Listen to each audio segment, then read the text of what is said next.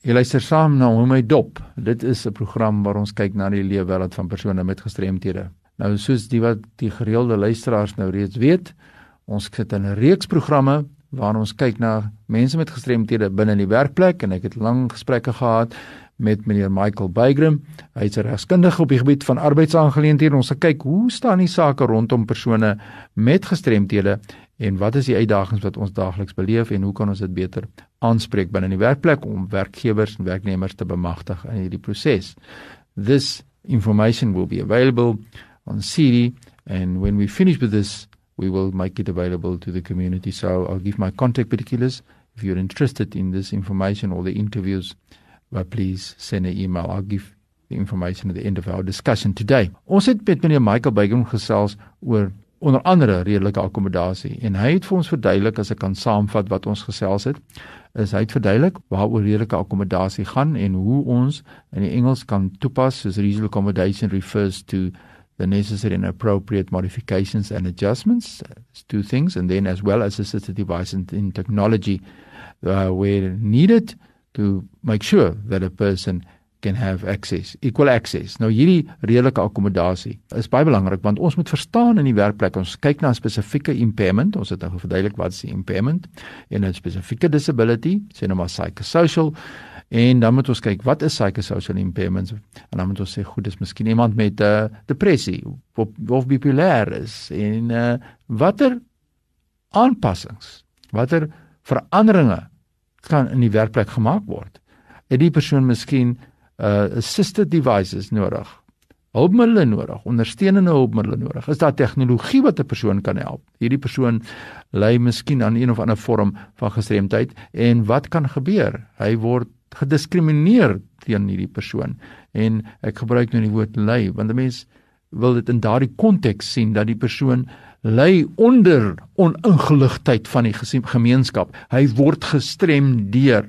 Hy is nie self 'n persoon wat 'n tragiese slagoffer is of 'n victim is soos baie keer na verwys word nie. Hierdie persoon is net in 'n situasie waar die gemeenskap nie die toeganklikheid verskaf nie en daarom is redelikheid, redelike akkommodasie so van kardinale belang en ons moet ook baie baie duidelik verstaan dat die wetgewing beskerm dan die persoon as dan nie redelike akkommodasie toegepas is nie. Nou eh, een wetgewing wat meneer Bykrum ook na verwys het is die Bepuda van 2000 wat ons almal kan gebruik om gelyke geleenthede te bewerkstellig vir mense met gestremthede maar ook ander sake. Die wetgewing is the Promotion of Equality and the Prevention of Unfair Discrimination Act of 2000 en die wet spreek ook spesifiek gestremdheid aan the Promotion of Equality and the Prevention of Unfair Discrimination Act of 2000 or the Equality Act number 4 of 2000 is a comprehensive South African anti-discrimination law. So ons almal moet weet watter wetgewing kan ons gebruik as ons voel daar word teen ons in die werkplek of in enige aspek van die gemeenskap gediskrimineer. En spesifiek dan nou hierdie unfair discrimination wat ter sprake is. Dit is baie duidelik die wetgewing in seksie 6 van die Bepuda handel oor onregverdige diskriminasie en hulle praat spesifiek hier hiervan denying or removing from any person who has a disability any supporting or enabling facility. So as mense met gestremthede daardie reg onneem word, is dit 'n baie groot uitdaging vir ons om hierdie saak weer aangespreek te kry. En daarom moet ons iets hê om ons te help. En dit is die Papuda wat dan nou ter sprake is en as daardie obstacles wat in die wetgewing genoem word dan the failing to eliminate obstacles het nie bykrom na verwys in ons reeks.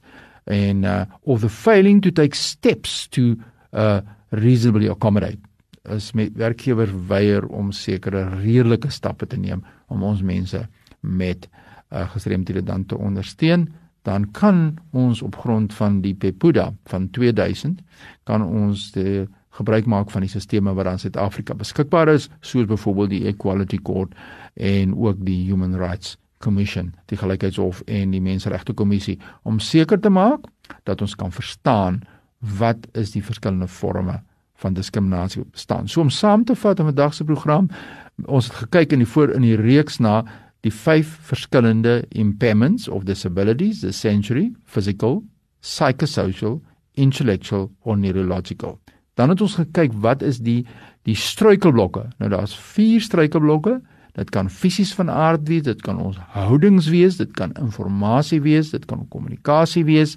Dit so met ander woorde, die Engels physical, attitudinal, information and communication barriers wat daar bestaan in die gemeenskap en dan het ons gekyk na die redelike akkommodasie wat ter sprake kan wees in terme van tegnologie, assistive devices, hulpmiddels, adjustments en modifications. Dit is soos dit in die wetgewing staan. Technology, assistive devices, adjustments and modifications. Wat gedoen moet word of kan word op 'n redelike grondslag om seker te maak dat mense in kan inskakel. So, as jy vra het oor verskillende forme van verlies en die die uh, uitdagings, die barriers or you have questions about the reasonable accommodation that might be applicable, please send an SMS or an email. My email is fani.dt@mweb.co.za fani.dt@mweb.co.za or you can send a SMS. Ja, die SMS no, na die nommer is 082 820 7358 082 0828207358 en dis is net op aanvraag wat ek antwoord maar SMS sal ek altyd op terugkom. Groetens tot 'n volgende keer.